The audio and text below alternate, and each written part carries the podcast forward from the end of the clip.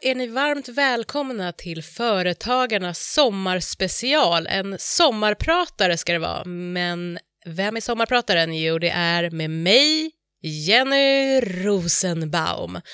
Och nu sitter jag här i studion helt ensam och alltså, jag har faktiskt lite sådär fjärilar i magen, det måste jag säga, därför att jag brukar ju ändå sitta här med Günther och man liksom har snackat ihop sig lite innan och man eh, blir lite vägledd av eh, herr G.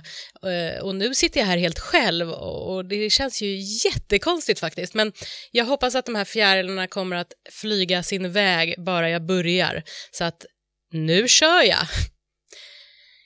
Ja, när jag fick förfrågan då av Günther att vara någon typ av sommarpratare så frågade jag ju honom såklart, jaha, men, men vad ska jag prata om? Därför att jag menar, för mig är sommarpratare, det är bra musik, en känd person, någon som verkligen delar med sig av någonting viktigt, eller ja, i alla fall någonting som man inte känner till om den här personen, och lite gråt och kanske lite skratt. Och vad jag tror att ni kommer få här med mig idag, det är eh, att jag delar med mig av någonting som ni inte vet om och kanske lite skratt. Där resten får vi nog hoppa, men, men det kanske blir kul ändå. Och jag och Günther, vi pratade ju då om vad ska det här sommarpratet handla om? Och då eh, så ville han att jag skulle prata om saker i livet som jag skulle vilja ha gjort annorlunda. Ehm, och han vill även att jag skulle prata om händelser som format mig till den jag är idag. Och då tänker jag så här, okej, okay, gud vad jag har tänkt på det här, saker i livet som jag skulle vilja gjort annorlunda, hur djup ska man vara? Det är inte så att man liksom eh, här i det här sommarpratet ska sitta och prata om någon gammal kille som har gjort slut, utan eh, nu tänker jag liksom stort och då eh, kommer det här, eh, det största misslyckandet i mitt liv och vad jag skulle vilja ha gjort annorlunda. Dum, drum, drum, drum. Jag önskar att jag dag två efter att jag tog mitt körkort vågade mig ut i trafiken. Och då tänker ni, eh, vänta, vänta, vänta, vänta, vad är det som händer? Så då måste vi backa bandet och vi backar bandet till när jag var då 18-19 år gammal och första gången jag skulle köra upp. Äh, vi backar lite till förresten. Jag skulle ta körlektioner och fick höra på väldigt tidigt stadie att äh, du är kanske ingen liksom hejare på att köra. Han var en gammal gubbe som var jäkligt otrevlig och hade det varit idag så hade jag bytt efter en lektion men det gjorde jag inte utan jag satt där med den där gamla gubben som var sur och sa att jag körde dåligt från lektion ett till lektion dum dum dum 100. Ja, men det var ungefär så många körlektioner jag tog, alltså på riktigt, 100 lektioner. Och när jag då sen efter dessa 100 lektioner eh, skulle köra upp, det var kanske inte riktigt 100, men totalen blev 100. Men när jag i alla fall skulle köra upp, då missade jag. Jag körde upp i Stockholm och jag missade. Och jag blev väl liksom såklart lite ledsen för det och det var jäkligt jobbigt, men det var inte det här, det var inte något trauma, inte då i alla fall. Eh, sen så eh, skulle jag då fortsätta min, min uppkörningshistoria eh, och då tänkte jag, men jag kör upp i, ner i Skåne där mina föräldrar har sommarhus. Så att gång två då, Trelleborg, inte jättejobbig stad, ganska lugnt och harmoniskt och eh, jag tyckte väl att det gick ganska bra också under uppkörningen eh, tills jag såg en stor svart katt. Jag gillar inte katter så mycket. Den var även död framför mig i körfältet. Samtidigt hör jag brandbil komma bakom mig och en ambulans. Jag tänker att det här är ett sånt här scenario som körkortsläraren kallar för så här äh, oförutsedd händelse. Vad gör jag? Jo, jag kör åt sidan och jag fortsätter liksom, jag äh, ser katten, jag kör runt katten, jag fortsätter och körkortslärarinnan som det faktiskt var tittar på mig och säger du vet att du just körde för rött. Åh, tänker jag. Jag som hade ändå kört faktiskt ganska bra innan. Eh, men köra för rött, det är ju svårt att liksom inte bli kuggad när man har kört för rött. Japp, det fortsätter. Det som händer nu är att min teori går ut och eh, jag är tvungen att göra om teorin. Och teori är ju någonting, jag var ändå bra på det. Jag fick väldigt bra poäng på min första teori, eh, mitt teoriprov och jag tänkte att ja, ja, det här blir bra. Så jag åker in till Malmö och gör min teori och ja, den missar jag också. Nu börjar jag liksom bli knäckt, för nu börjar jag känna så här, fasiken, det här kanske inte är för mig, men alla andra har ju körkort. Men jag måste fortsätta. Problemet nu, det är att jag ska åka bort i en termin. Jag ska åka till London. Så att eh, både körkortsteorin och prov och allting, det går ju liksom ut. Så att, eh, ja, det var ju liksom ett halvårs paus, åtta månaders paus. Jag hade ju inte direkt någon körvana. Så att när jag kommer tillbaka till Sverige eh, och börjar juristlinjen och det har väl gått kanske en termin eller så, då tänker jag nej nu måste jag ta det här körkortet, det här går ju inte. Vad gör jag? Jo, jag bestämmer mig för att jag ska ta ett, några månader ett, som ett sabbatstermin. Och det kan man ju liksom inte säga så här, jag ska ta sabbatstermin för att åka till typ eh, Bali. Nej, jag ska ta sabbatstermin för att jag ska ta mitt körkort. Alltså folk trodde ju inte att det var sant. Eh, och samtidigt ville man ju inte prata om det här så mycket för det var ju liksom jäkligt jobbigt. Eh, men jag gjorde i alla fall det och då sa pappa till mig att nu räcker det, nu tänker jag inte betala något mera.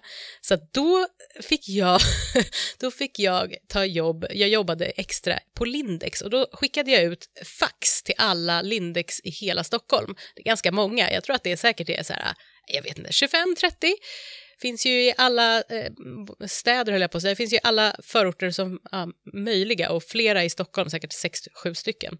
Så jag skickade ut ett fax, hej jag heter Jenny och jag vill jobba extra, eh, hör av er. Och om de hörde av sig. Alltså så mycket som jag jobbade på Lindex, alltså jag har jobbat Alltså jag skojar inte, jag har jobbat Mörby centrum, Täby centrum, Lidingö, Solna, Tyresö, Drottninggatan, Hötorget, Sergels torg. Alltså you name it, jag har varit där. Det var ju helt otroligt. Eh, men jag jobbade på och eh, fick ihop några slantar för att ta några lektioner. Jag, eh, efter, jag tror jag jobbade kanske två månader, en månad och sen så åkte jag till Ljusdal. Där hade jag hittat det denna lilla pärla, Ljusdal, med eh, ja, ett trafikljus, två rondeller och en riktigt mysig, trevlig liten körskola. Där tänkte jag att där fick jag liksom, eh, det där fick bli mitt nästa mål. Alltså jag var så sjukt målinriktad. Jag gick på de här lektionerna och efter lektionerna kom jag ihåg att jag gick hem och så ritade jag upp i ett litet anteckningsblock att okej, okay, vad var det han sa nu? Att om jag ska göra en vänstersväng, hur skulle jag göra då? Och jag liksom verkligen gick in för det. Och så kom då den stora dagen, dagen då jag faktiskt skulle köra upp. Och trot eller ej, jag klarade det! Jag var så sjukt nöjd, alltså jag var så glad, det var som en befrielse, jag kände mig grym, jag kände mig på topp, jag, jag vet inte, ni, ni vet ju alla den där känslan, ni hade den säkert när ni var 18 år och inte hade tagit kanske 100 lektioner, men, men känslan kanske lite var densamma, att man ändå liksom har klarat någonting, en, en milstolpe i livet. Ja, sagt och gjort, jag tar tåget hem och eh, kommer hem till Stockholm eh, och dagen efter då frågar jag mamma om jag får låna hennes bil och köra till centrum. Det är väl en biltur på, vad ska man säga, en och en halv minut. Så att det går jättebra. Jag tar bilen, jag kör till centrum, jag parkerar, jag går och handlar, jag kommer tillbaka och när jag ska backa, då händer det. Jag glömmer, jag glömmer inte, men jag rätar inte ut ratten tillräckligt så att jag skrapar bilen, hela bilen bredvid mig. Alltså den paniken jag fick, det var en sån panik och det var ju säkert kanske befogat att man ändå får det och vad ska jag göra nu? Jag ville ju liksom så sticka därifrån men ja, jag skrev väl någon lapp. Och sen så eh, körde jag för jag skulle hämta någon över bron bara där jag bor och det var väl så här tre minuter. Jag kommer ihåg, jag satt nästan och skakade. Jag eh, körde tillbaka och sen efter det, äh, då ville inte jag köra mer. Så att eh, det, var, det, var liksom, det var klart, jag eh, vägrade, det var som en blockad i huvudet på mig. Jag klarade inte av det, det var, liksom, det var så jobbigt. Och så kommer jag ihåg att jag så här, några dagar efter så jag försökte och så bara nej jag vill inte och sen, sen började det. Sen började de här ursäkterna att nej men du kan väl köra istället eller eh, ja det blir bra. Och sen så gick liksom veckorna, månaderna och till slut blev det ingenting och ibland var jag ju tvungen att köra och så var det liksom jätteångestladdat då varje gång. Och eh, så där höll det på skulle jag säga i eh, men ganska många år, alltså så här fyra, fem år. Och sen åkte jag ju utomlands och då fortsätter den här historien förstår ni, för den tar inte slut. Då åker jag till Israel och Israel är ju känd, alltså folk kör ju inte bra. Det är ju alltså fler i Israel som dör i trafiken än det som dör i krig. Bara det säger ju ganska mycket. Alltså folk är inte bra på att köra. Men då var jag i alla fall tvungen, eftersom jag skulle bo där, så var jag tvungen att göra om mitt körkort, eh, det svenska då. Och då tog jag ju lite lektioner och de var så ångestladdade för det var ju som att jag hade ju liksom aldrig fått någon körvana så det var ju hur jobbigt som helst. Och så skulle jag då köra upp och hon som körde upp innan mig, man satt då två i bilen, hon var ju helt värdelös. Alltså jag mådde så sjukt illa när hon körde. Men hon klarade det där körkortet och då tänkte jag så här, ah, ja, men nu, nu, jag försökte peppa mig själv, nu kör vi liksom, nu, nu gör jag det här. Jag kör och jag kör och det går ganska bra och jag kör liksom i Jerusalem, det är inte helt lätt. Helt plötsligt ska jag ta en vänstersväng och jag tyckte att det gick bra men det tyckte tydligen inte bilskoleläraren som stannade bilen och sa nej, eh, det kom en annan bil och jag tyckte den bilen var ganska långt borta men det tyckte inte han. Så jag missade även där. Så att ni förstår ju liksom, mitt självförtroende när det gäller eh, bilkörning, det är ju inte bra. Och kuriosa, eh, om man söker på bil, alltså körfobi, då är det en ganska vanlig fobi. Men Vet ni där ute vilken fobi som faktiskt är ännu vanligare att man söker sig till psykologer för och såna KBT-behandlingar? Det är golf som uppenbarligen också är väldigt ångestladdat, vilket jag kan förstå på vissa sätt, men, men det här var bara en parentes. Åter till eh, min eh, tragiska körkortshistoria här. Ja, jag befinner mig i Israel, jag åker hem, jag åker hem till Sverige jag har ju träffat John då och honom har jag ju träffat i Israel. Han har bott i USA i tio år och tagit körkort där och kört omkring med en bil där, men han har inget svenskt körkort och jag menar jag har ju alltid förlitat mig på att ja ja men det är någon annan som kör och det där ordnar sig och sådär. Och då tror ni där ute nu att ja ja, nu, nu började hon köra, nu liksom släppte det. Nej, nej. Jag tvingar John att försöka tvinga honom att snabbt ta körkort. Det roliga i den här historien det är ju att för att ta körkort då måste man ha, alltså innan man tar körkort, man måste ju ha en handledare då. Så att vi åker alltså ut till någon så här handledningskurs och jag, alltså vilket skämt, blir hans handledare.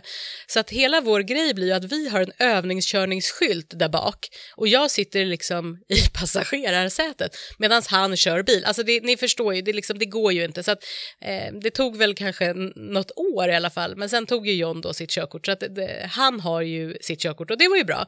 Jag har ju haft mitt körkort sedan jag var 19, men, men jag kör ju fortfarande inte. Så att, ja, vart vill jag komma med den här historien? Ja, det är ju att man borde ju faktiskt den där andra dagen, dagen efter att jag hade skrapat den där bilen, det är då man bara borde ha gjort det. Det ångrar jag så mycket. Det, det är någonting i livet som jag verkligen skulle vilja ha gjort annorlunda. För att det här, jag önskar att den här historien hade haft liksom ett jättelyckligt slut. Att så här, min största dröm är ju eh, inte som andra liksom att bli väldigt förmögen eller väldigt känd. Min största dröm är ju liksom så här, jag vill kunna köra och hämta någon på Arlanda. Ja, där ute. Jag vill kunna göra det och det har jag ju fortfarande inte gjort, men Eftersom jag skulle, visste att jag skulle prata om det här ångestladdade samtalet eh, som jag ska ha med mig själv då om min körkortsfobi så tänkte jag igår hade jag nämligen köpt någonting ute på Lidingö, ganska långt ut hade jag köpt någonting på nätet eh, och skulle köra och hämta det och då hade jag ju som första instinkt att säga nej men det där får någon annan hämta. Så tänkte jag nej nu jäklar så att igår, igår kan ha varit första steget på att lösa denna fobi. Jag körde, jag körde 30 minuter. Det var järnvägsspår, det var rondeller, det var ganska mycket trafik. Det var ändå, man körde upp i 70 kilometer i timmen. Och när jag kom tillbaka, då fick parkerade jag och det gjorde jag i en backe den i. Alltså jag, det var inte samma känsla som när jag tog körkort, men nästan. Alltså jag var väldigt, väldigt glad när jag gick och la mig igår. Så nu gäller det för mig, det gäller att liksom våga, det gäller att våga fortsätta. Jag känner mig peppad och jag har ju delat med mig av nu min djupaste hemlighet, höll jag på att säga, det är det inte, men, men eh, någonting som, som ändå är väldigt jobbigt och jag tror säkert att ni där ute, ni kanske inte känner igen er i körkortsfobin, men det kanske finns något annat som även ni har haft eh, någon fobi att man ska stå och prata inför folk eller ja, det kan ju vara massa olika saker och um, ja, så ni kanske ändå känner igen, känner igen er i mig. Har ni tips på hur jag ska komma eh, förbi den här eller komma över den här körkortsfobin så hör gärna av er. Finns på Twitter, Instagram och eh, ja, hashtag företagarpodden. Ja, Någonting annat som Günther ville att jag skulle prata om det var ju händelser som format mig och eh, ja, som format mig till, helt enkelt till den jag är idag och kanske som fortfarande formar mig. Och då tänker jag så här, vad ska jag prata om här då? Ja, alltså någonting som har format mig och fortfarande gör det antar jag, det är ju just när jag åkte till Israel. Jag var ju där i fem år och eh, en utlandsvistelse, det är, ju, eh, det, det, är ju så mycket som man lär sig under en utlandsvistelse så man vet ju knappt var man ska börja och det formar ju en på ett väldigt speciellt sätt. Men Ja, alltså allt från att hur känns det att vara invandrare, hur känns det att inte kunna ett språk eh, och hur känns det att man inte känner igen, liksom, det är en viss stil människor har när de pratar och man, även när man har börjat lära sig språket lite så så förstår man ändå inte alltid. Och det där tror jag, det där tror jag har format mig ganska mycket. Eh, men även hur mycket jag var tvungen att kämpa. Jag gjorde ju om hela juristlinjen där kan man säga, jag, och på, liksom på hebreiska, ett språk som jag inte kunde. Och, Ja, det var ju väldigt eh, kämpigt vissa stunder kan man säga, lätt. Men, men händelserna som var sådär speciella som jag kommer ihåg när jag tittar tillbaka, det är egentligen tre saker. Eh, och en sak har med språk att göra och de andra har med personer. Och det som är med språket är att jag eh, jobbade på justitiedepartementet i Jerusalem eh, som med internationell straffrätt, någonting helt annorlunda än vad jag gör idag. Och eh, vi satt ju där på olika möten och alla pratade hebreiska och min hebreiska var väl ungefär på typ en femåringsnivå. Men, men jag försökte och försökte och försökte. Och sen när jag hade varit där några månader, då helt plötsligt, för jag menar jag tycker ju att jag är en ganska ganska rolig person i alla fall, men man är ju ofta rolig på ett språk. Alltså jag är ju rätt rolig på svenska tycker jag, men det är faktiskt svårt att vara rolig på ett annat språk. Och jag kommer så väl ihåg första gången jag försökte dra till något skämt och någon skrattade. Alltså jag var så nöjd. Alltså jag, Jenny Rosenbaum, då hette jag Meltzer, men drog alltså ett skämt på ett annat språk och de förstod skämtet, de förstod min ironi. Äh, jag var så nöjd. Det var faktiskt en stor händelse, även, även om det hände ganska mycket under de här fem åren så var det där någonting som jag faktiskt eh, kom ihåg. För det var liksom då det lossnade med språket.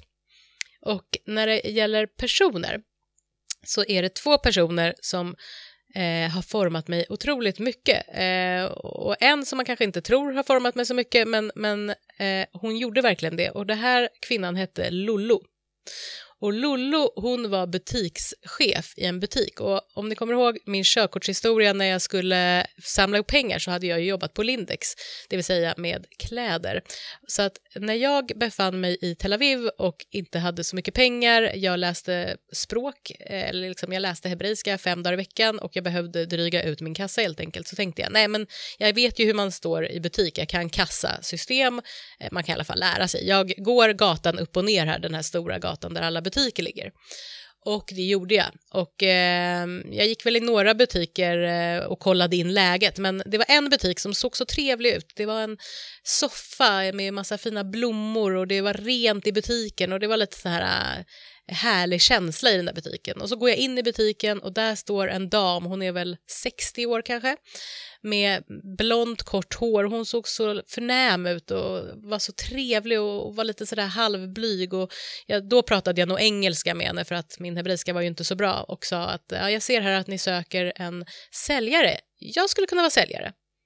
Jaha, sa hon, så tänkte jag, nu kommer hon ju säga att men det kan du inte vara, du kan ju inte hebreiska. Så sa hon, kan du inte prata lite hebreiska då, så får vi se hur, hur det går. Ja, och så gjorde jag det och så sa hon sådär att ja, men vet du vad, vi har ganska mycket europeer här så att ja, du kan ju faktiskt prata lite engelska också, vi kan blanda lite. Och hon var så lugn och ni vet när man träffar sån här person som det bara klickar med. Det är helt fantastiskt. Alltså det, och det händer ju inte så här jätteofta, men det händer ändå. Och jag eh, verkligen tog vara på den här känslan och på kvällen när hon ringde upp mig och frågade om jag ville börja jobba så tackade jag ja direkt. Och sen började det. Jag jobbade där av och till i fem år under tiden jag var där och eh, samtidigt som jag pluggade och jobbade och lite sådär. Så att hon hon var så inspirerande för att det var en sån här butik, det var ganska dyra kläder så att det var inte så jättemycket folk i den där butiken så att man hade ju väldigt mycket tid att prata.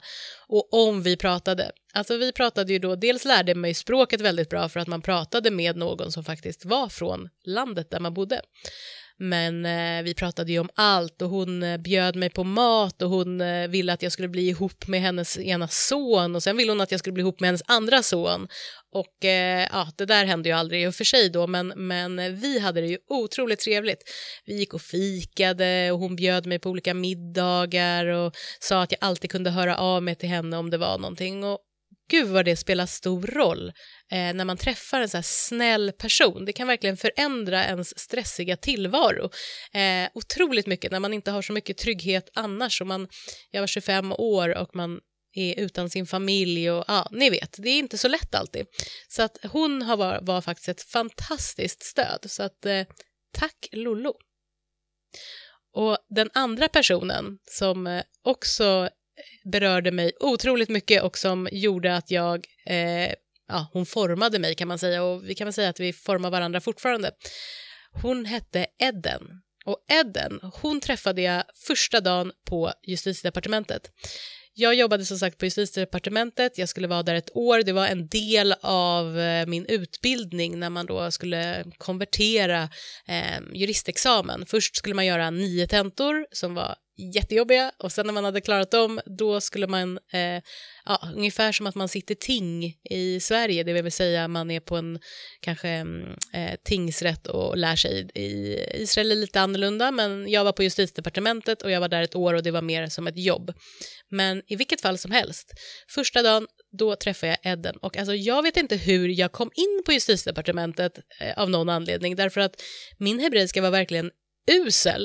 Eh, nu var det här internationell rätt, men eh, ja, min engelska, ja den är väl helt okej, okay, men kanske inte på juridisk nivå. Så att någonstans pratade jag mig väl in där, men när jag väl kom dit så förstod jag ju, men herregud, jag ska skriva ett mejl och det här går inte, någon måste ju rätta mitt mejl på tre meningar för det är ju helt fel och det här ska jag skicka till ja, någon advokat eh, i Israel och även på engelska. Jag skickade ju mejl till, till typ så här justitiedepartementet i USA, alltså det är inte okej okay att skriva på swinglish utan jag var ju tvungen att även där faktiskt eh, få någon som rättade.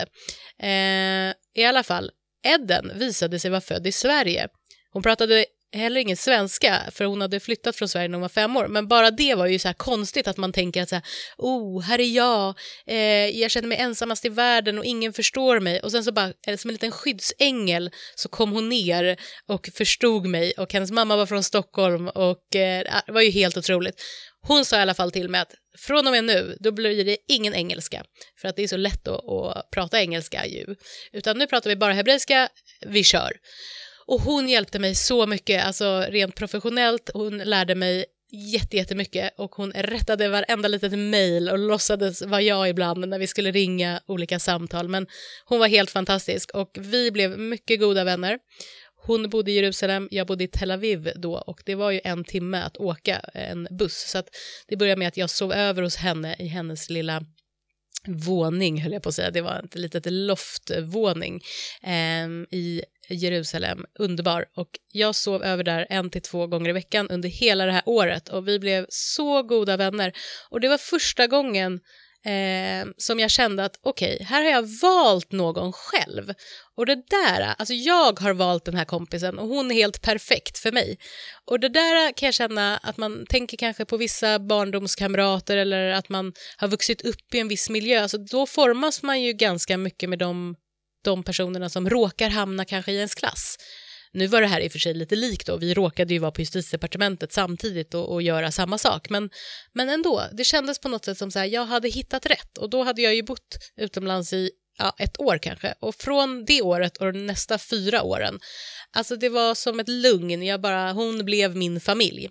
Och än idag, eh, det här är ju nästan tio år sedan, eh, så är vi väldigt goda vänner och eh, hörs nästan varje dag på WhatsApp eller Skype eller så. Och träffa varandra jättemycket och hon har verkligen format mig, jag måste säga det, eh, till den jag är idag. Och eh, nu ska jag knyta ihop säcken här tänker jag. Och hur ska jag göra det på bästa sätt? Jo, jag har ju pratat lite om personer och hur de har format den och då leder det ju fram till bam, bam, bam, Herr Günther Mårder. Alltså, eh, slogan blir ju att om jag vågar så kan det hända saker. Äh, men alltså, jag har säkert berättat det förut och eh, Günther och jag pratade ju om den här podden och han frågade om jag eh, kunde tänka mig att vara programledare med honom redan innan eh, Eh, sommaren då jag var ganska höggravid. Och sen så när han ringde, eller det var inte han som ringde, jag fick faktiskt ett sms när jag låg på BB och då bara kände jag så här, nej det går inte, det är för tidigt, jag ligger liksom på BB, det här är, jag kan inte börja jobba och hur ska jag jobba? Och man, man, man ställer alla de här frågorna eh, till sig själv, hur ska det här gå, vågar jag? Och eh, vem ska ta hand om bebisen? Och ja, ni vet. Men jag måste säga, nu gjorde jag ju det och jag började ju kanske jobba när Maja, som hon heter, lilla bebisen var kanske en och en halv, två månader.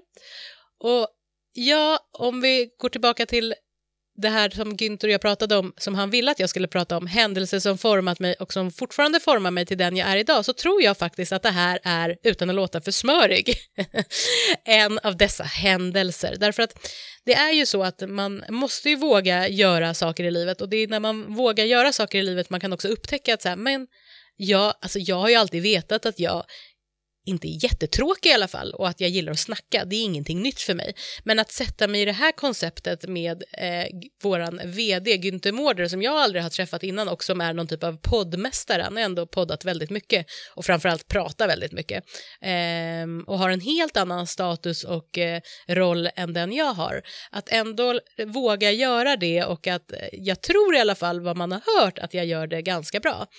Eh, och framförallt, det viktigaste av allt kanske, är ju att jag tycker att det är jätte, jätteroligt. Och det är faktiskt första gången på ganska länge, ska jag säga, rent professionellt som jag känner att någonting är riktigt kul.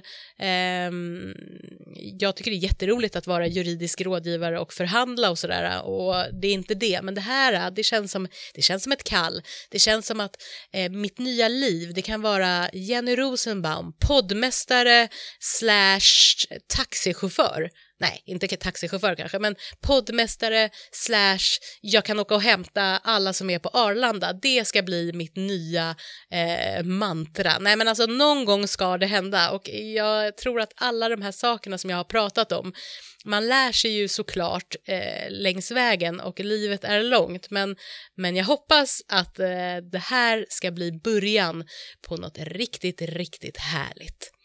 Och eh, nu ska jag be att få tacka för mig.